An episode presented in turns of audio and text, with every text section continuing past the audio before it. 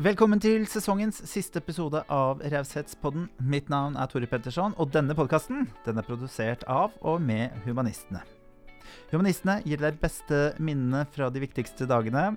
Sjekk ut mer på humanistene.no. Siste gjest er standup-komiker, podkaster, forfatter og samlivsterapeut Dora Toralfsdottir. Vi har en samtale om temaet overgangsalder. Og eh, overgangsalder vet til og med de som går gjennom det, svært lite om. Skal vi få høre mer om. Vi skal snakke om hva barndommen eh, gjør med ditt voksne liv, og hva som skal til for å våge å leve livet ditt fullt ut uten indre frykt og indre uro. Det og masse mer. God fornøyelse. God fredag. Da var det Raushetspodden igjen. Og som vanlig har jeg tatt med meg en gjest som jeg opplever som raus, og som gir av seg selv, og som gjør at vi andre folk kan lære å også bli litt rausere mennesker. Og denne gangen har jeg med meg standup-komiker, foredragsholder, familieterapeut, utdannet lærer og journalist. Jeg har en lang liste med ting jeg kunne sagt nå, men jeg sier først og fremst velkommen, Dora Toralfsdottir. Tusen takk skal du ha, Tora. Veldig fint å ha deg her stas å få lov til å komme på selveste Raushetsbåten. Da føler jeg kommet igjennom nåløyet. Ja. Du, du har um, satt opp forestillingen uh, 'Overganger' i det siste. Det handler om uh, bl.a. overgangsalder. Jeg har vært så heldig å få lov å se det. Du driver jo Raushetspodden, som har blitt veldig populær. Oppleve. Relasjonspodden. Relasjon, ja, unnskyld, mm, unnskyld. Det går fint. Det ligner jo litt. Det gjør jo faktisk det. Ja. Det er ikke så rart mm. at jeg sa det. Eh, Relasjonspodden startet med den i 2018 sammen med Kjersti Idem. Eh, en podkast hvor folk kan spørre om eh, spørsmål om relasjon. Ja. Relasjonelle si problemstillinger. Mm. Ja. Um, foredragsholder uh, jeg, vet ikke dette her er, om dette er bare noe jeg har blitt fortalt og det ikke er sant, men at du har hatt et foredrag som heter 'Hvordan be noen reise til helvete' på en måte som gjør at de gleder seg til reisen. som gleder seg til turen, ja. ja, det, har, det, er rett og slett forskjellen på konflikthemmende og konfliktfremmende språk. At hvis du skal si noe som er veldig vanskelig, så går det faktisk an f.eks. For å fortelle en person at vet du, det er veldig mye svettelukt, opplever jeg. Mm. Eh, men hvis du sier det, og da kommer jeg med eksempler på vanskelige ting å si, og så kan du si det på den måten som gjør at det er ganske sårende og krenkende. Mm. Og da blir det jo veldig tydelig at det går an faktisk å si vanskelige ting på en veldig empatisk måte. Og det har jeg da foredrag og sånn om. Mm. Spennende. Eh, du snakker om god stemning. Du snakker om bobler. Og du snakker om relasjoner med barn. Mm. Det, er jo, eh, det, det er jo mye relasjoner. Og du har jo du startet som eh, Nå vet ikke jeg, jeg opplever at du har tatt mange At du er en sånn kursdame. Sånn der, nå kaster jeg meg på det, og så er jeg med på det. Så, ja, ja. Men, men, du har to utdannelser. Men du var lærer først? Ja, jeg gikk på lærerskolen og trodde jeg skulle bli lærer. Mm. Og så siste året der så kunne vi velge hvilket som helst fag, og da valgte jeg media grunnfag. Og der hadde jeg vært i ett og et halvt minutt, og så tenkte jeg det er jo ikke lærer jeg vil bli, det er journalist. Så da tok jeg hele journalistutdannelsen med en mastergrad i England og og så skrev jeg en artikkel om hvorfor er det så få kvinnelige komikere. Mm. Det var min første artikkel. Ja, er det sant? Og da dro jeg så på standup for å kunne skrive om det. Og så så jeg på, og så tenkte jeg det ser ikke så vanskelig ut. det er ganske eplekjekt. Og spurte ja. om jeg kunne prøve meg, og så fikk jeg mulighet uka etter. Og så gikk det veldig bra. Og så mm. ble jeg faktisk tilbudt jobb. Fordi vi, vi var jo så få kvinner. Det var Pernille Sørensen, og så var det Janne Rønningen og Lisa Tønne. Og det var det. Det var de eneste som drev med det. Så det, det var et veldig manko på kvinner. Og da når det, de gikk såpass bra, så ble jeg tilbudt jobb. Så, så, jeg ble jo faktisk aldri lærer eller journalist. Jeg har skrevet én artikkel. Ja.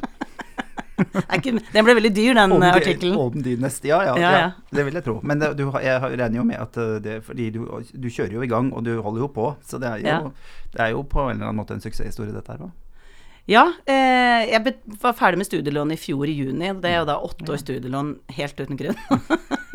men, eh, men, så er det bare noe med at eh, Ja, men jeg lærte ting da som jeg har jo nytte av nå også. Og jeg skriver jo, jeg skrevet en bok i fjor f.eks., og jeg har jo nytte av mye av det jeg lærte, for all del. Men utdannelsene i seg selv har jeg ikke hatt bruk for. Men de har gitt en trygghet på at går alt ad undas med standup f.eks., eller da jeg var gründer med mamma og starta EQ-institutt, så har jeg en sånn ro på at jeg kan alltids bli en lærer. Jeg kan faktisk bli journalist.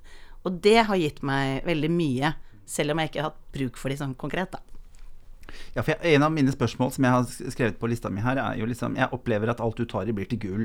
Oi, såpass, ja. Ja, og det er jo jeg tenker Det må jo handle om noe. Det er jo et eller annet du har lært på veien her. For du har jo en livskraft som er helt sånn Jeg blir jo helt slått i bakken av det. Du er sånn Det vil jeg gjøre, det vil jeg gjøre. Og så bare kjører du i gang. Og så ja. klarer du også å eh, eh, ja, du, det, det handler jo om å ta noen valg underveis her, da. Ja.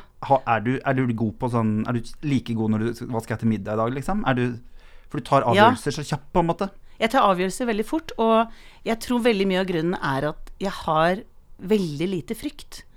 Jeg, jeg tenker, Hvis jeg skal ta sånn livet mitt under ett, så bærer det veldig preg av at, at jeg får lyst til å skrive en roman, og så tar jeg kontakt med et forlag som jeg kjenner litt til, da.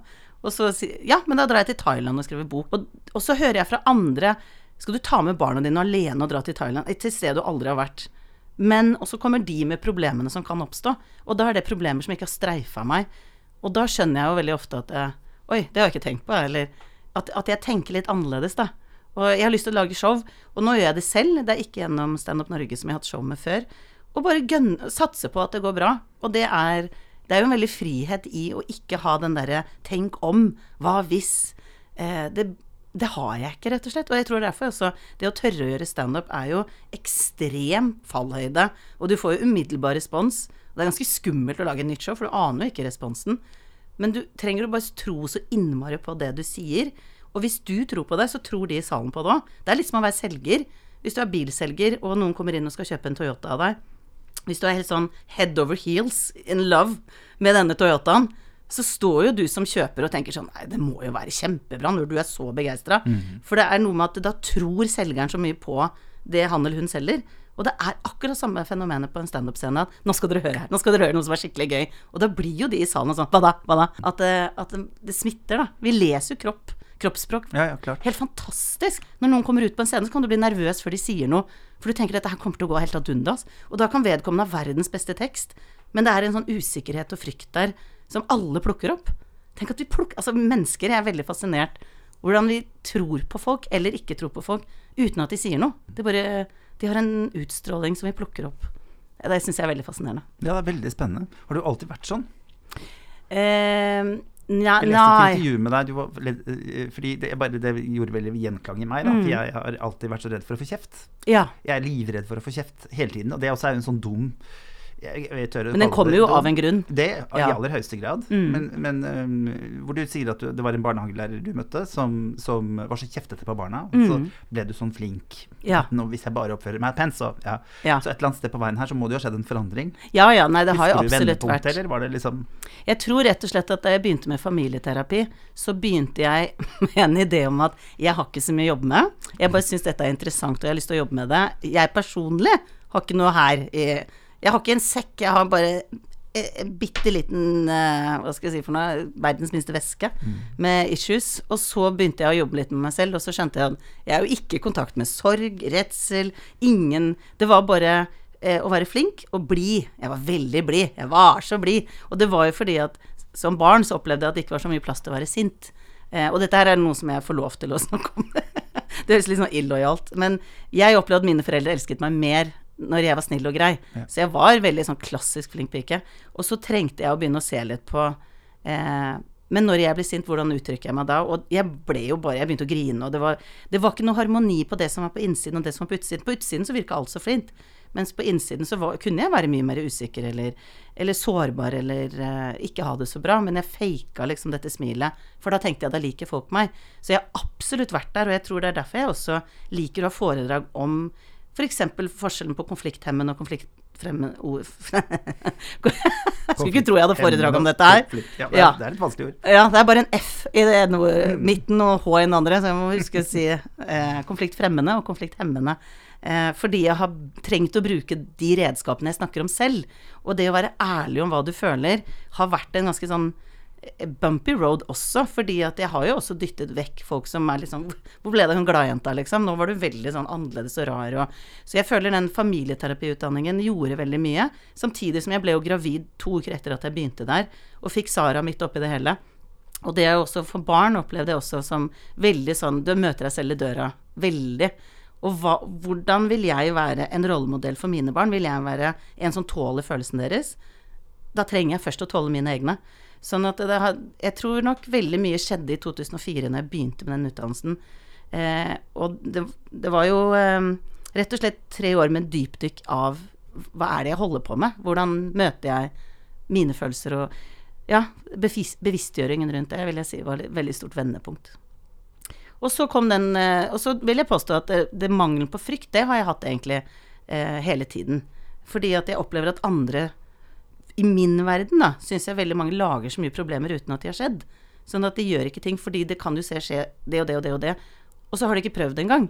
Og der tror jeg at den islandske bakgrunnen min uh, slår ut litt. Og mine ja, for foreldre å spørre om, om det er litt sånn islandsk ting. Jeg Ja, jeg tror det, altså. kunstnere og liksom det er, det er noen klare, store navn på en måte fra Island som bare kjører sin pakke. Og Ja. liksom, ja. Og jeg tror det handler om at det er 330 000 på en liten øy med voldsomme ambisjoner. Og dette var jo folk som dro fra Norge, for de orka ikke sånn småkongedømme, og at noen skulle ta, kreve masse skatt av de, og vet du hva, jeg skal ha mitt eget land! Så det var veldig mye sånn opprørere som dro, som jeg tror ligger litt sånn i genene. Eh, og så er jeg vokst opp da med to gründere, foreldre, eh, som veldig ofte så mulighetene på ting.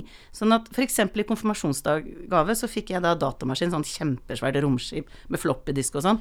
Og grunnen til at jeg fikk det, var at jeg hadde klagd på at eh, den derre idrettsavisen var så dørgende kjedelig. Og så sa pappa eller mamma, jeg husker ikke, så sa de men hvis du syns den er så kjedelig, så kan jo du bare skrive det selv. Og, eh, og så fikk jeg konfirmasjonsgave, og da fikk jeg beskjed nå kan du skrive i idrettsavisen selv. Så det var aldri noe sånn Men det, det spørs om de vil ha en som er så ung som skal skrive, eller eh, Og i, sånn som det at jeg valgte lærerskolen, og så bytta jeg til journalist, og så bestemte jeg meg for familieterapi. Jeg har kun hatt støtte hele veien, og det tror jeg har så utrolig mye å si. Å ha foreldre som ja, ja, men hvis det er det du vil, så, så heier vi. Istedenfor å si sånn Å, det var veldig dumt. Å, det, nå sløser du penger. Du må jo fullføre ditt og datt og eh, Det har ikke vært det, Hva er riktig for deg? Det har vært fokus. Og det har gjort at verden blir ikke så skummel, fordi hvis du har tro mot deg, så går det bra. Og det tror jeg den islandske greia er veldig med at det er ikke så vanskelig å få ting til på Island, fordi det er ikke så mange sånne stengsler og eh, Jantelov er rett og slett litt mindre. Fordi at eh, vi er så få at det, det trenger å være folk som jobber i TV. Det trenger å være folk som Det er plass til fler. Og da er det også mer rom, og ja, men da drømmer du om det, og så får du det til. Det går fint. Og så har jo alle en fetter eller et eller annet i en eller annen bransje som de kan få andre inn. Så det blir jo mye mindre forhold. Det blir litt som å være på bygda, liksom. Har du veldig lyst til å jobbe på Meny, så kjenner jeg jo tross alt Trond, ikke sant. Jeg kan jo ringe Trond. Eh, og det er litt sånn. Og da blir det ikke så veldig sånn at eh, er mulig, alt er mulig, på en måte, fordi det er mye mindre. Og da er jeg vokst opp med samme tankegang, selv om Norge er mye større, da. Ja, for jeg er jo opptatt av at eh, det er vanskelig å gjøre ting vi ikke har sett andre har gjort. Også hva du ser når du, eh, når du vokser opp, da. Men hva skal vi gjøre, da, vi andre folka? Som, for jeg, jeg kom til et sånt punkt i mitt liv hvor jeg plutselig tenkte sånn For familien min hadde liksom plutselig veldig troen på meg. Så, så tenkte jeg sånn Jeg er ikke så takknemlig for det nå, Fordi nå har det jo gått bra. Ja. Skjønner du hva jeg mener? Jo, takk, liksom. Ja. Men nå trenger jeg det ikke, for at nå, nå har det jo gått bra en stund. ja. Sånn at Det hadde vært fint å fått det fra starten av. ikke sant? Det å ha tro på noen handler jo ikke om å ha tro på dem når det har gått bra. Det Nei. handler jo om at Ja, man har tro på dem, akkurat sånn som du har blitt møtt. da. Ja. Men bare gjør det. Ja. Bytt på det. Ikke liksom, ja, ikke komme med alle disse bekymringene, da. Ja. Nei, jeg tror det har eh, Det legger grunnlaget, og det mønsteret du drar med deg Det vet jo du og jeg og de aller fleste òg, at, at barndommen legger liksom Hvis du tenker at vi er som en leirklump, så formes, formes Blir du et askebeger eller dromedar, eller hvilken form får du? Det formes jo, og så går du inn og ut av ovnen og størkner litt mer og mer på hva du syns om deg selv, og hvordan du tenker om verden. Sånn at det har jo enormt med å si hvordan disse foreldrene spesielt da, er med på å forme, og lærere for så vidt. Og jeg hørte deg også nevne i forrige podkast med at du, at du hadde et renholdspersonale, liksom. Som var redning, blant annet. Og det er så rørende hvordan én person kan gjøre så mye for et barn. Eh, så Nei, så, så jeg er veldig takknemlig for at jeg vokste opp med en sånn eh, alt er mulig-innstilling og why not? Og ja, ja, så får du prøve, og så går det ikke så Altså, vi bodde jo i Malaysia to år, for eksempel, da jeg var ti til tolv. Og eh, for, foreldrene mine ble jo frarådet fra alle hold. For det er gæren, og ingen visste hvor Malaysia var engang. Det var bare i nærheten av Kina et sted. Eh, så ingen sa at dette var lurt. Mens de tenkte men nå får de lært seg engelsk, vi får dratt til en internasjonal skole i et miljø som er helt nytt, og så spennende, liksom. De så det positive i det. Mens absolutt alle sa dere må ikke gjøre det. Og så dro vi, og så hadde det helt fantastisk i to år, som også formet meg, fordi at på veien tilbake så brukte vi jo to måneder hjem, og var innom ganske mange land. Fordi at på den tida så kunne man kjøpe sånn jorda rundt-billett. Altså det er fullt mulig nå også, da. Men, men vi kjøpte en jorda rundt-billett, Ja, rett og slett. Og da var det én uke i Filippinene og én uke der og én uke der. Og, og, eh, og da var det en følelse av å komme hjem, og jeg tror det har gjort veldig mye med meg. å være tolv år og har vært i 30 land, altså jeg har vært i mange land, og sett at vi er jo ganske like, og folk er hyggelige, og ting går bra. Vi har vært midt i New Delhi med masse tusen mennesker, millioner av mennesker. Og så med sånn Og da var det ikke sånn 'Å, herregud, nå tenk om dere blir borte', og ah! Det var mer sånn 'Ok, nå skriver vi med tusj navnet på hotellet hvis dere blir borte'. Ja. Så er det noen som kan få dere hjem, liksom. Ja, Ja. og at det var litt sånn uh... Tror du det er mulig å gjøre i dag? Tror Ja, jeg tror det, det med reising Det er jo derfor jeg dro ut et halvt år til Thailand med ungene og et halvt år til Hawaii i 2016. Og det var jo rett og slett for å gi dem opplevelsen av at verden er mer tilgjengelig og ikke så skummel. Og vi er likere, og man kan komme godt overens med folk fra alle mulige kulturer. Og, og, og det å også være litt sånn sårbar i en ny setting, da, hvor du er ny på skolen og trenger rett og slett å være ikke kulest og ikke liksom ha en fast plass som er trygg, men du trenger liksom å finne litt ny vei. Det er jo en ganske sårbar prosess. Men når du har gjort det, så tror jeg du vokser litt på det òg. Mm. Så det Herlig. tror jeg også har vært med å forme. Ja, ja, selvfølgelig.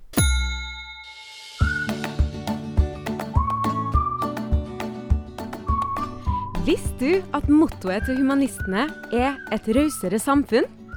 Vi tror at ved å samle alle humanister, uavhengig av tros- eller kulturell bakgrunn, kan vi sammen skape et rausere samfunn der god dialog skaper mindre polarisering, at vi sammen kan styrke menneskerettighetene, og at vi sammen kan ta vare på miljø, naturen og alt liv rundt oss. Du kan enkelt bli medlem i dag ved å gå inn på våre nettsider humanistene.no.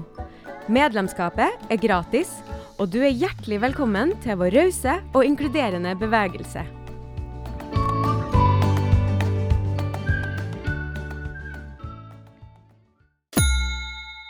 Men er det noe håp for oss andre?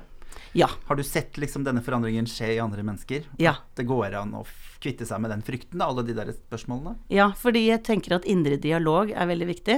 Så hva man sier til seg selv, former jo sannhetene dine. Eh, og de, det du sier til deg selv, er gjerne det du ble fortalt da du var barn. Så du gjentar jo egentlig det samme. Eh, F.eks. hvis det er en litt mistillit, at eh, Tora, vi har, vi har liksom troa på deg, men til en viss grad bare. så blir det det du også sier til deg selv. Inntil du tar tak. Og det var det jeg føler jeg gjorde på den eh, familieterapiutdanningen også. At eh, Men er jeg bare hun blide? Er jeg bare hun som skal være ikke være ærlig om når jeg ikke har det bra? Nei, jeg vil endre på dette her. Og da er det en sånn bumpy road som er ganske kjip, fordi at du trenger å finne deg selv på nytt. Og hva er mine sannheter, og hva tror jeg på? Og det er en ganske sånn sårbar prosess å revurdere deg selv, hvem du er. Hvem, og jeg tenker at det kommer jo Jeg tror ingen slipper unna å komme dit i livet at du tenker sånn Hvor vil jeg? Hva skal jeg? Og veldig mange har det, føler jeg, rundt 40. Der ligger veldig mye sånn midtlivskrise og en sånn revurderingsfase. Eh, og der tenker jeg, når du spør er det håp for alle, så tenker jeg ja, absolutt. Og jeg, har møtt, jeg har vært 16 år terapeut, og jeg har møtt så mange som har en eller annen ofte en krise. At de begynner å hate jobben sin, eller skilles, eller et eller annet. Eh, og da? Det er jo alltid kriser at vi vokser. Det er jo bare, det er kjedelig å si det. Det er sånn, Du får nesten håpe på ei lita krise, så går det fortere. Eh, men, eh, men det er veldig ofte da oppvåkningen skjer. Og det syns jeg er veldig fascinerende å være med på når eh, ja, du finner deg selv og din sannhet, og da er det noe med å leve etter det også. Og den indre dialogen tror jeg fryktelig mye på, har mye å si. Og ikke minst bearbeide det du har vært igjennom, selvfølgelig, og slutte å klandre deg selv for ting som ikke er din skyld, og bli kvitt skam, ikke minst. Der Ja. tror jeg mye ligger også. Skam står på lista mi. Ja. Skam er jo um, For det finnes flere typer skam. Mm. Og det tenker jeg er litt sånn viktig Ja. å vite om. Ja, det er, eh, tenker jeg da, i min verden, uh, giftig skam og sunn skam. Og vi trenger skam, for ellers så kunne vi jo vært jævlig mot hverandre. Da kunne vi jo ha begått de grusomste ting og ikke kjent noe på det. Så det er jo noe som gjør at vi reguleres litt på å være noenlunde siviliserte, og ikke være som dyr. Fordi at jeg tenker at eh, det å skamme seg er jo egentlig, hvis man tar bunner Altså hva er egentlig skam, så er det jo frykt for avvisning. At hvis noen får vite dette om meg, da liker de meg mindre. Derfor skammer folk seg Altså, voldtekt til og med, så det er overhodet ikke min skyld, liksom. Men jeg skammer meg, for hvis noen får vite om det, så kan jeg komme dårlig ut av det. Så kan jeg bli avvist. Det er en, det, det er en veldig sånn rar følelse på mange måter. Men i utgangspunktet så kan det være Så er det jo en sunn ting at vi har skam. Eh, hvis du har oppført deg skikkelig bedritent mot noen, og dagen etter eh, kjenner du at du skammer deg fordi du gikk over streken, du kalte noen noe stygt, du vet at du sårte, såret noen, og da kan du si, be om unnskyldning, og så blir skammen mindre hvis det blir tatt imot spesielt, da. Ja. Eh, så der tenker jeg vi, vi, må ha skam som en følelse for at ikke vi er så slemme med, med hverandre. Eh, men så har du det som heter giftig skam, og det er den skammen som er gjerne påført deg, altså det vil si at det kommer utenfra. Arvet skam, liksom? Ja, det kan være eh, ting som du opplever som du kjenner skam på, som ikke er din skyld, men noen andre har gjort mot deg. Og det kan være veldig ofte sånn overgrep, eller at folk har behandla deg dårlig, eller du har vært i et forhold som har vært skikkelig ræva, og så har ingen visst hvor kjipt du har hatt det. Så kan du skamme deg over at jeg ikke gikk tidligere, og det er innmari mye å skamme seg over. Mm. Men, men, den der giftige skammen, den er veldig, veldig destruktiv, for den, den preger hele selvfølelsen din og fargelegger så mye, og tar bort enormt mye glede og energi. Sånn at derfor er jeg veldig opptatt Jeg er veldig ivrig på å få terapi på det du skammer deg over, for å legge skammen vekk. Og jeg syns det er utrolig fascinerende i terapisammenheng at Eh, vi har en terapiform hvor du lukker øynene gjerne og ser deg selv i en setting som har vært vanskelig. Og det å si, la oss si at et barn opplever noe kjipt, eh, vil du at lille Merete skal skamme seg?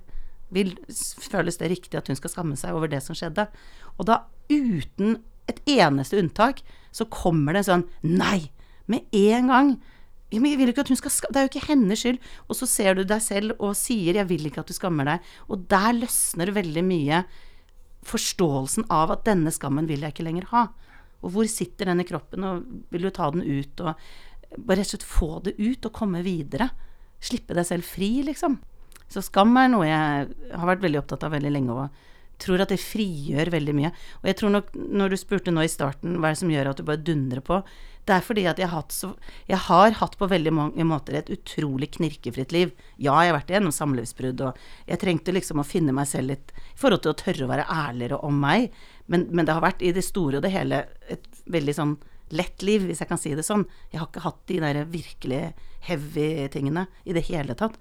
Eh, men da eh, Skal vi se hvor var jeg skulle med dette. eh, jo, så, så da blir det jo lettere for meg også å tørre å hoppe ut i ting som for andre virker kjempeskummelt. For jeg har ikke den skamfølelsen på at nå tar jeg plass, og nå tror jeg at jeg er noe. Jeg har veldig lite opplevelser som har vært skamfulle for meg. Og det hjelper jo meg enormt mye. Og derfor vil jeg også hjelpe andre til å ha mindre skam, for at de kan tørre å leve sitt liv. Ja. Et av de spørsmålene som jeg tenkte å stille, og som jeg alltid stiller, er jo hva er raushet for deg? Men spørsmål nummer to der er er du raus med deg selv?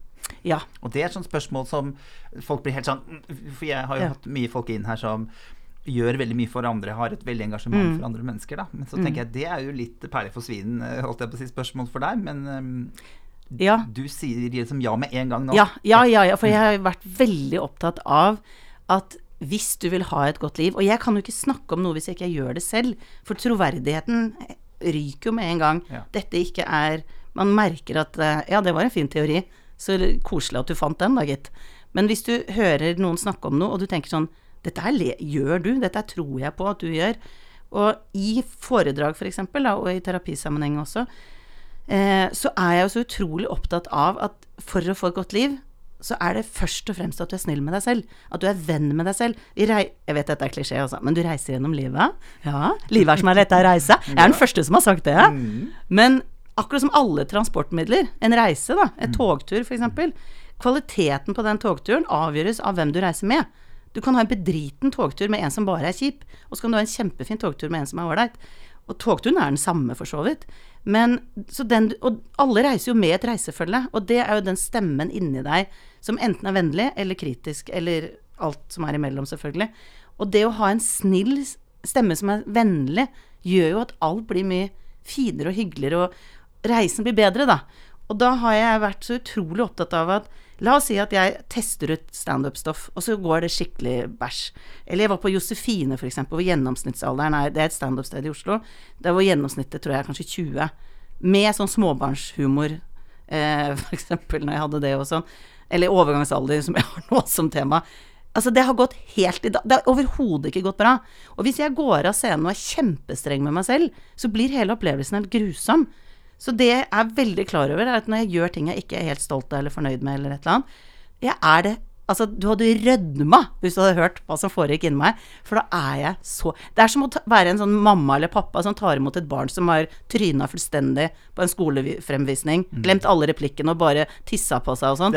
Som liksom. bare sier, vet du hva, kom her. Den, den nydelige pappaen eller mammaen som bare Kom her, gutten min eller jenta mi, og syns du er bra nok som du er. Og dette er ikke det som er det viktigste i livet uansett. Og, som er sånn genuin snill. Og det er raushet. Å være liksom Se forbi alt det eh, utapå, og så bare gå i kjernen av at Men jenta mi eller gutten min, bra nok. Det går fint. Jeg er her. Eh, jeg heier. Jeg støtter. Og jeg har en heiagjeng inni meg. Og jeg er veldig opptatt av å ta snille valg med meg selv. At hvis jeg har tenkt å dra på trening, f.eks., og kjenne med hele meg Jeg orker ikke. Så har ikke jeg en sånn pisk som er sånn For faen meg skjerpe deg, et eller annet. Men da er det sånn, vet du hva, nå, nå vil ikke kroppen. Jeg, nå hører jeg på det. Kanskje i morgen, men akkurat i dag, nei. Og, så, og sånn er det egentlig på at jeg tar veldig på alvor kroppen. Og jeg har, for å holde det tempoet som jeg har, så har jeg funnet ut at jeg er helt avhengig av én fridag i uka. Hvor jeg ikke har noen planer. Eh, det er sånn hente seg en dag, så den høres mer gøyal ut enn den er. Det er gjerne å svare på litt mailer og sette på en vask og kjøpe en bursdagsgave til en bursdag jeg skal til, liksom. Men, men det er ikke noe tidsperspektiv. Og jeg, det er ingenting jeg skal rekke i løpet av en dag. Det er ingen avtaler. Det er fort gjort å tenke en kaffeavtale der, eller en lite Men det å ha null planer en dag, det er jeg helt avhengig av en gang i uka. Fordi da vet jeg Jeg kan hente På onsdag, det er veldig ofte onsdager, da bare har jeg en sånn rolig dag. Og hvis jeg vil. Mm. kan jeg ligge i senga og se på to episoder og et eller annet fjas. Eh, hvis det er det jeg føler for. Og det syns jeg er å være raus med meg. At jeg tar kroppen på alvor og er snill med meg selv når ting ikke går bra. Eh, og at jeg har en liten heiagjeng som jeg har bygd opp over tid, da. Mm. Det tenker jeg Ja, for du er du Det høres ut som jeg sånn Jeg får til alt, det. Det er Ja. ikke det. Nei, nei, men nei, det er det jeg liker med deg. Jeg er tryner, jeg liksom også, men, men jeg er snill med Ja, meg selv Ja. når ting ikke går hele veien. Mm. For det tenker jeg er en god øvelse, hvis man skal gi lytterne på en måte en øvelse Ja. Til For jeg er veldig glad i det. Sånn, hva kan jeg begynne med? Mm. Liksom, bare for å sette i gang en god, Mm. god greie i mitt eget Ja. liv, da. Og det um, Jeg holdt et foredrag for ikke så lenge siden som jeg syns gikk skikkelig, skikkelig dritt. Mm. Ja, ja, det er sånn Og sånn jeg skjer. skamma meg så sinnssykt. Altså, Ja. jeg, jeg satt ordentlig hjemme som en katt og sleiket sårene mine, liksom. Og da måtte jeg jobbe ganske hardt, da. Ja. Med å tenke sånn Men da syns jeg noen sånne deg, Nå Ja. er du lei deg, liksom. Og det, Ja, og det er lov. Men det var ikke Ja. Det og det var, gikk ikke sånn som jeg hadde tenkt, og det er lov å være lei seg. Eh, og så tror jeg veldig på litt sånn affirmasjoner, eller å si, gjenta en setning flere ganger. For det blir et slags mantra du egentlig tror på etter hvert. Og jeg er veldig glad i at jeg gjør så godt jeg kan, Mm. eller jeg har lov til å være meg. Fordi den derre jeg, jeg gjør så godt jeg kan, jeg er helt overbevist om at på det foredraget som ikke gikk så bra for deg, så gjorde du så, du så godt du kunne der og da. Ja. Og for min del, jeg sto på scenen for var det tre uker siden i Molde, som er den Markedsføringen gikk litt skeis, da, men det er plass til 800, og det var 66 i salen. Og jeg endte opp med å betale nå 18 000 for å dra til Molde og ha show. Og det var regn, det regna den dagen, så jeg gikk rundt i sentrum, pøsende regn, og Nei, det var bare eh, Og da er det noe med at Ja, men sånt skjer innimellom. Og så er det sånn, vet du hva, jeg gjør så godt jeg kan. Ikke visste jeg at det skulle bli sånn. Jeg gjorde det jeg fikk til, og så ble det som det ble, liksom. Den derre vennligheten, er veldig sånn, syns undervurdert. Vennlighet. Å være vennlig med deg selv. For fy søren så strenge de fleste er mot seg selv. Jeg har fått kommet inn i hodene til folk i 16 år. Ja, okay. Jeg har fått høre det innerste. Tenk deg så privilegert jeg har vært. Så jeg har fått vite så mye om hva folk tenker om seg selv, hvordan de har det, eh, hva som har skjedd med dem. Og jeg syns den hardheten som er veldig utbredt, er veldig trist å vite om. Fordi at folk kaver og sliter og jobber på og står på og er så strenge med seg selv. Og så er jeg så full av beundring for at de har klart å komme seg gjennom så heavy ting. Og med hodet hevet og, og, og være et så godt menneske. Og likevel så går de rundt og er sånn Fy fader, altså, det er ikke bra nok, og jeg duger ikke, og det hadde jeg aldri fått til. og, mm, mm. Sånn drittanker. Så da får jeg så lyst til å bare ta ut alle disse dumme sånn minnekortene rundt omkring. Og bytte det med noe langt mer oppløftende, for da hadde jo alle fått det bedre. Ja, det hørtes veldig deilig ut. Det Ja, det var så vel. minepinne du kunne tatt ut. Ja. Eh, alle dine valg i livet er alltid i samsvar med det du tenker om deg selv. Mm. Så hvis du har lave tanker om deg selv og syns at uh, 'jeg holder ikke mål, det er mye feil med meg', fordi du har lært det som barn, at du er, du er mye i veien, du er for mye, eller du er for lite, eller ditt og datt, så vil du også uh, ta valg som er i samsvar med hva du syns om deg selv. Så da vil du kanskje spise dårligere, eller finne deg i forhold som er dårligere. Du vil kanskje bo stussligere, på en måte, eller rote Du vil være mer destruktiv uten å være klar over det, fordi det resonnerer med hva du tenker om deg selv. Mm. Så derfor er jeg liksom Det er jo det som er Det er veldig rart at du ikke snakker mye mer om at alle dine valg er i samsvar med hva du tenker om deg selv. Så hva er det du tenker om deg selv? Hvilket nivå ligger du på? På hva du vil finne deg i av drit fra andre, eller eh, valg du tar for deg selv, da. Mm. Så altså, det er så ofte jeg tenker sånn Hvordan har vi havna her? At dette er en sånn alternativ greie litt på siden, og så er det det som fargelegger alt. Ja. Og det formes i barndommen, og det er Ja, for liksom det er liksom sånn føler-smøle-greiene. At det har blitt, det har blitt eh, degradert av noen, da. Ja. Det å ta seg selv på alvor og tenke på egenkjærlighet, alle disse ordene er jo følelser, og disse ordene er jo helt utslitt i kantene. Ja. Av, og ikke av de som snakker om det på en vakker måte, men av Nei. de som ikke liker de De som er gjerne litt trua av det. Ja, ja. Nå blir det mye føleri, for jeg, Mm. jeg har ikke så mye kontakt med mine følelser, så jeg syns dette er veldig skummelt. Og da kan jeg liksom latterliggjøre det, eller gjøre det lite. Eh, og derfor er vi der vi er. Eller nå er vi på god vei til at det endres, fordi hvis du bare ser på Lindmo f.eks. Du kan ikke komme med en bok eller en ny plate uten at det er sånn Men du, Tore, det har, livet har ikke bare vært lett for deg. Nå skal vi snakke om det som er interessant. For drit i suksessen, men bak suksessen. Du har jo grått dine tårer. Ikke sant. At det alltid er den der Det er det som er juicy, det som er interessant. Og det er det jo mer og mer av, at folk deler mer. Men parallelt med det så lever vi også i et samfunn hvor vi forherliger veldig mye det ytre. Skjønnhet, det å være vakker. Det er jo liksom bare å ta Kardashians som et sånn prakteksempel på hvordan vi kan bli blenda av Oi, det er penger, det er suksess, det er fine kropper. Og så er vi ikke noe opptatt av Åssen har de det? da? Nei, Det er, det er underordna. Fordi at de har jo alt det andre på stell, så da er de sikkert lykkelige. Det er en sånn alt på, Når alt det ytre er på stell, er lik lykkelig.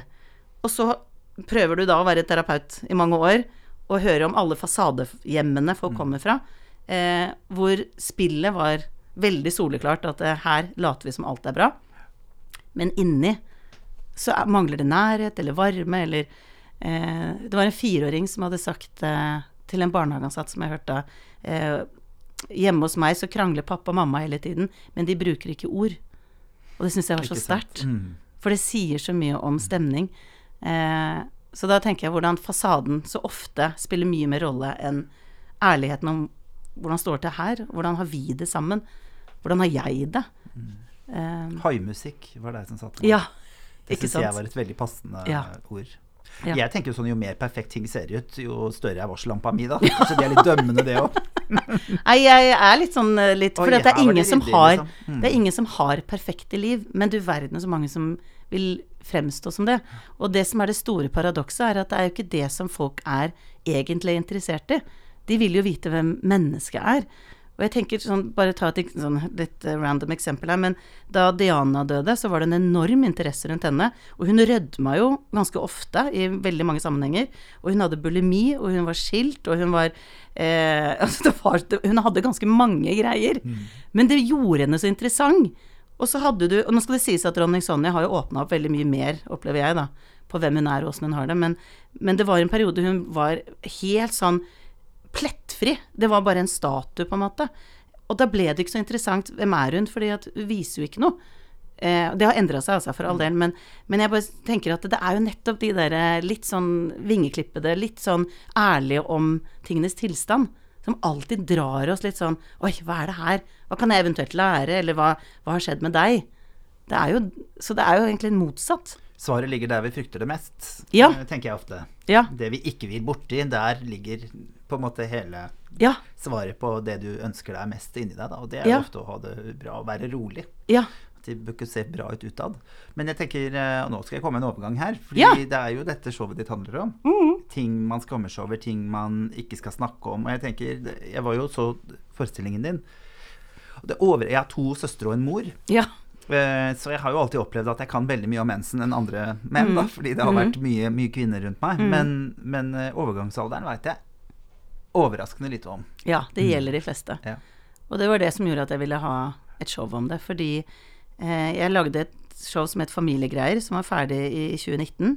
Eh, og da tenkte jeg ok, om to år så setter jeg opp nytt show. For det er det man gjerne gjør, at det er litt fram i tid. Og så vet jeg ikke hvorfor, men jeg tenkte hvor gammel er jeg da? Så tenkte jeg å ja, det er 48. Og så ble jeg helt sånn «Åh, 48! Fordi 48 har for meg vært det store, skumle tallet, fordi da kom mamma i overgangsalderen. Ja. Eh, så da slo det meg sånn Shit, da kommer jeg i overgangsalderen det året jeg skal ha For at man, det, man kopierer jo gjerne moren sin, ikke sant. Og så Det eh, er arvelig. Ja, det er veldig mye genetikk inni her. Og så tenkte jeg Men det er to år unna Jeg vet ingenting. Det kommer noe hetetokter. Hvor lenge varer de? Hva, hva er greia? Er det bare det? Og så ble det jo veldig tydelig at herregud, vi lever i et informasjonssamfunn. Det er så mye kunnskap om så mye. Og så kommer det som faktisk er tenåringstid nummer to. Fordi tenåringstiden er jo at du blir fruktbar.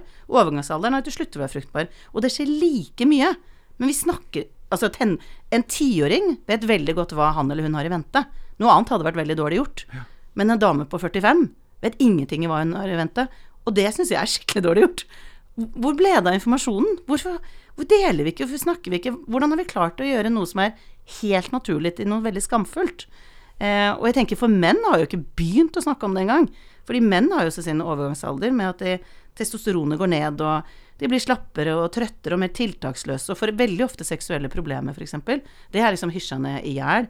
Så det er ikke bare kvinner som har en vei å gå. Er, menn har også noe med den ærligheten på å bli eldre, at det også har Det er noe med å våkne en dag så er alle musklene borte, f.eks. Det er ganske kjip Ja, det er Jobba masse for å få denne sixpacken. Sånn sett er jeg glad for jeg aldri har hatt det. Sånn at jeg, den overgangen tror jeg skal bli Men visstnok så blir liksom den Mm, skjønner. aldringsprosessen, da.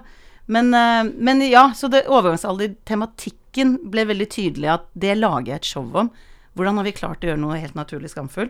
Og så har jeg da lest meg veldig mye opp for å kunne en del. Ja, for det står jo ikke Jeg syns jo ikke overgangsalder er det det bugner over av på Google, liksom. Det, jo, det er jo mest du- sånn Ta disse pillene og disse Ja, pillene. Mhm. ja. Og hvis du googler overgangsalder, så er det bare symptomer, egentlig.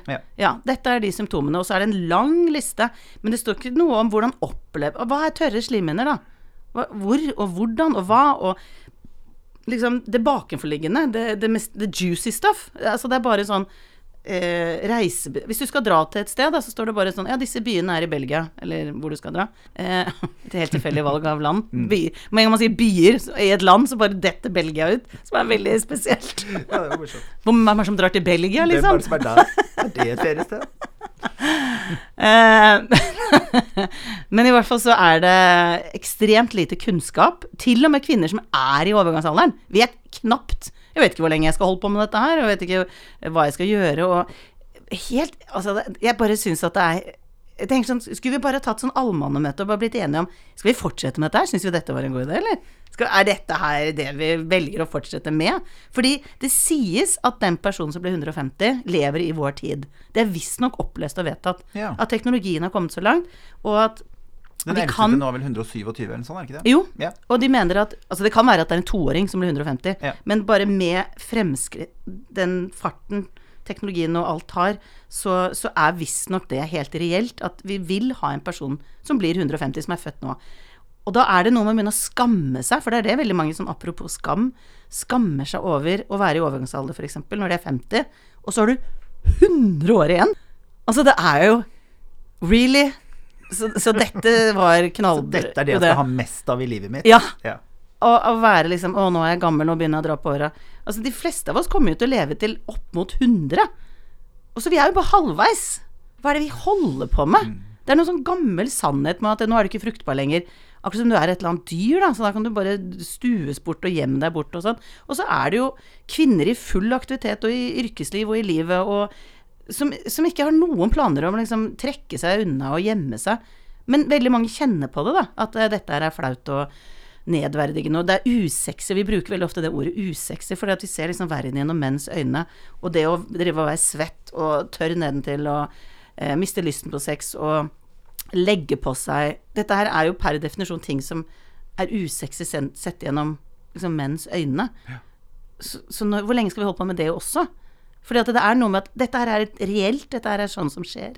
Og det er naturlig, og det er en periode, ja. Og så får du litt livet ditt tilbake, faktisk. For hormonelt så er det på samme sted som før tenårene.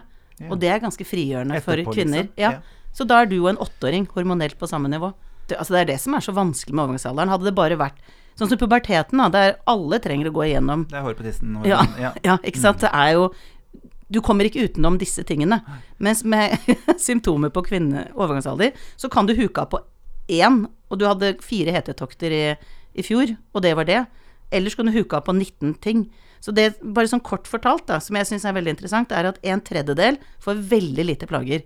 De er sånn Vet du, jeg merka det ikke så veldig mye. Og så er det en tredjedel som er moderat, som det heter. Og da er det en periode, kanskje over et par år, liksom. Dette er ikke noe sånn par måneder, og så er du ferdig.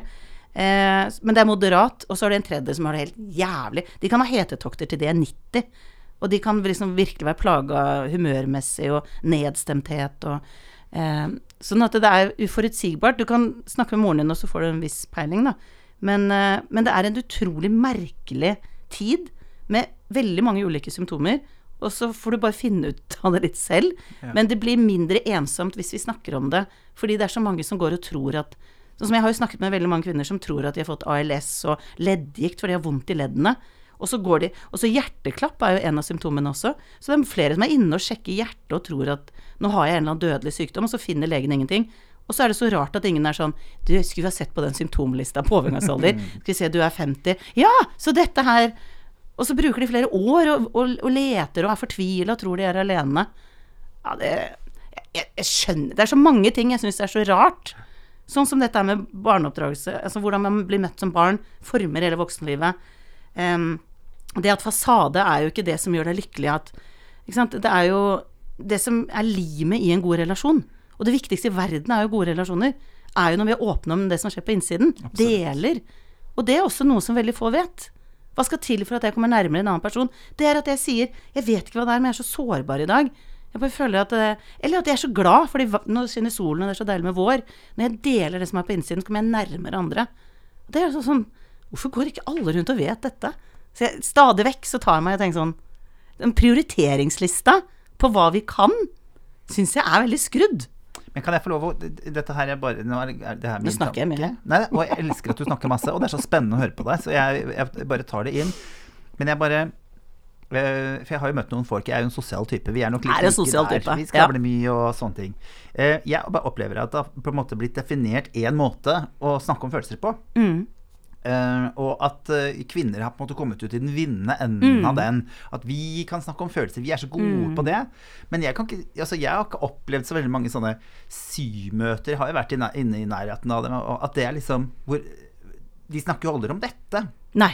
Nei, det er, Lite. Noe, det er veldig lite ned i Det er mye og jeg, nå, får bare bli surfa på meg jeg syns det er mye syting. Altså, mye, Ja. De er gode på å klage, men det er ikke å snakke om følelsene sine og hvordan du egentlig har det. ikke sant? Det er å fortelle meg hva som irriterer deg, og det er også stuereint av og til. da. Ja. Men jeg synes, hadde ikke vært en sånn løst litt hvis vi hadde redefinert sannheten om hva det er å snakke om følelser? Hva tenker du det er å snakke om følelser, da? Nei, det er jo å, å tørre å være helt ærlig om hvordan jeg har det. Ja. Det å, å på en måte utsette meg selv for en mulig skamsituasjon, da, mm. som kan være vanskelig, det er jo det det er for meg. Mm. Det å vise meg sårbar. Men jeg opplever veldig ofte at det kan være tre ord Mm. for pappa, mens for meg og mamma er det 40 ord. Ja. Ja, Ja. ikke sant? Sånn at derfor jeg er det jo litt sånn min oppgave å, å, å, å legge like mye vekt i pappa sine ord, Mm. sånn at ikke det er jeg som definerer hvordan han skal snakke om sine følelser. Mm. Skjønner du hva jeg Ja, mener? ja, ja. ja. Nei, jeg tenker at uh, hvis en, eksempel en mann da, som har vokst opp i Tross alt, vi har levd en tid, og lever fremdeles i en tid, hvor menn har generelt lov til å vise færre følelser. Mm. Og skamforskning viser jo at uh, sårbarhet hos menn er den største skamtriggeren. Det å virke svak. Bare det å spørre om veien, som er jo en sånn klisjé, det er jo ikke Da virker hans Å ja, finner han ikke ut av det på egen hånd, liksom. Og selvmordstallene som er så høye, mye høyere for menn, handler jo også om dette her med å tørre å være sårbar. Så det jeg tenker, hvis en mann sier 'jeg har det ikke så bra', så ligger det Det er like mye som en dame som kan snakke tre timer om at hun ikke har det bra. Nettopp. Fordi at den tyngden i å tørre å Det er sårbarheten som er stikkordet, tenker jeg. Fordi at hvis det er et La oss si et symøte, da. Og så er det mye sånn 'Å, mannen min sånn, og mannen min ditt', og sånn. Hvis en av de hadde sagt 'Jeg savner så innmari at han sier hyggelige ting til meg, eller er interessert i dagen min, så er det ekte genuint. Da klager du, sitter du ikke og peker på mannen din og sier 'han er idiot', men du peker på deg og sier 'dette savner jeg'. Dette er jeg lei meg for, eller dette er jeg trist for, eller eh, og, og da kan språket ditt være ulikt, men så lenge du våger å si noe som er personlig og ekte, Eh, og det kan også være hyggelige ting. At, eh, sånn som for min del nå, at eh, jeg er så utrolig lykkelig for at jeg føler meg sånn innmari elsket. Og den følelsen har jeg ikke kjent på på kjempelenge. Og det har vært et enormt savn. Jeg var singel i seks år før jeg traff han som nå eh, jeg skal gifte meg med neste år. Som du skal vie oss. Det syns jeg er så stas. Eh, men, jeg kan, men, så jeg kan jo si at det er veldig positivt å kjenne på den kjærligheten, men også si fy søren som jeg har savna det. Å bli sånn ordentlig sett. Hvor utrolig godt det er. Em, så jeg tror nok Du har helt rett i at det er mange måter å snakke om eh, følelser på, men det å våge å åpne opp, det er jo den største tillitserklæringen. Og da åpner det opp til andre, og trenger da å ha tillit til at de tar imot. Og det er der frykten ligger hos mange, at de ikke blir tatt imot. Og hvis du har gjentatt opplevelser hvor folk er sånn Ja, men herregud, da er det bare å skjerpe seg. Ja, men Tore, det er jo bare å syte? Får no, Du får noe dritt tilbake. Det blir ikke tatt imot. Da blir du enda skumlere enn å gjøre det neste gang. Så derfor er det så stort når noen våger, særlig med en historie hvor det har vært veldig vanskelig å åpne seg, fordi du har blitt kritisert eller avvist eller hva det er. Så, så jeg, jeg er helt enig med deg at det er ulike språk for det, men fellesnevneren er den derre Du går ut på et stupebrett, og så tør du faktisk å hoppe ut, men ikke står i trappa og tviholder og later som alt er bra. Nei. Jeg vet ikke om det made sense, men ja. Aller høyeste grad. Vi snakker jo litt samme språk. Ja, vi gjør jo, eh, vi gjør jo egentlig det, altså. Men eh, anbefaler jo selvfølgelig eh, Spiller du videre forestillingen din? Jeg, var, Ja. jeg var så heldig jeg hadde besøk av en venninne på sånn 2-53, eh, så det passa så innmari fint. Da Ja, ja, dro vi dit, og hun, for henne var jo dette sånn midt i blinken. Liksom. Wow, dette trenger jeg mer av. Vi skal trekke lapp før vi avslutter. Eh, her er verdiord og eh, setninger fra våre 15 bud. Du kan jo bare plukke akkurat Ja. den du vil. Men for å svare deg, så fortsetter jeg med showet utover høsten, ja. Ja, du gjør det. Ja, ja, ja. så fint. ja, ja. Så fint. Jeg er på Chat Noir nå i, i juni og september, blant annet. Herlig. Rettferdighet fikk jeg! Ja. Åh, Åh. tenk deg hvor viktig rettferdighet er for barn. Mm. Hvor ofte de sier 'det er urettferdig'. Mm. Og hvordan det å helle glass, nei, saft i to glass, det må være rettferdig. Hvis det er noen som er gode på rettferdighet, så er det barn. Mm. Men så fucker vi det til etter hvert, hvor vi skjønner at noen har større rett Får liksom Er mer selvfølge at de får større plass, eller eh, At verden egentlig er litt urettferdig etter hvert som vi blir eldre. Men jeg bare, når jeg ser rettferdighet, så tenker jeg sånn Der er barn helt rå. At alle er like mye verdt. Og så begynner vi å knote det til, altså maken til rase. Eh, men jeg er jo da selvfølgelig opptatt av eh, rettferdighet, og det er jo noe som eh, Jeg bare tenker nå Hvis jeg skal ta noe som liksom kommer opp med en gang, som er urettferdig, så er det jo at i USA så de, ser det ut til at i juni så skal statene selv bestemme om abort blir lovlig eller ikke, og da er det i hvert fall 13 stater der det blir helt ulovlig. Og da syns jeg eh, Jeg syns jo det er fascinerende at hvis en 16 år gammel jente søker om adopsjon, så er det helt utelukka. Ikke har hun økonomi til det, ikke har hun alder og modenhet til å ta et nyfødt barn og skulle oppdra det. Men om hun blir gravid, om det så er voldtekt, ja nei, da er det helt andre regler som gjelder. Sånn at eh, eh, den der urettferdigheten og hvem det rammer, og hvor mange barn som er uønsket, og hva det gjør med oppveksten til det barnet eh, hvordan eh, veldig ofte menn og kristenkonservative sitter og vet bedre enn andre hvordan de skal leve livet sitt og bestemme over andre kvinners kropper. Um, nei, det der hvis jeg, skal ta det som treffer meg sånn akkurat nå i forhold til urettferdighet, så syns jeg det er så urettferdig at noen skal bestemme over andre hva slags liv de skal ha. Ja, eh, jeg tenker jo eh, det, har- slått meg, Dette har slått meg veldig veldig mange år, hver gang den debattiden kommer opp. Og det tenker jeg du vet mye om siden du er terapeut. Å være et uønsket barn.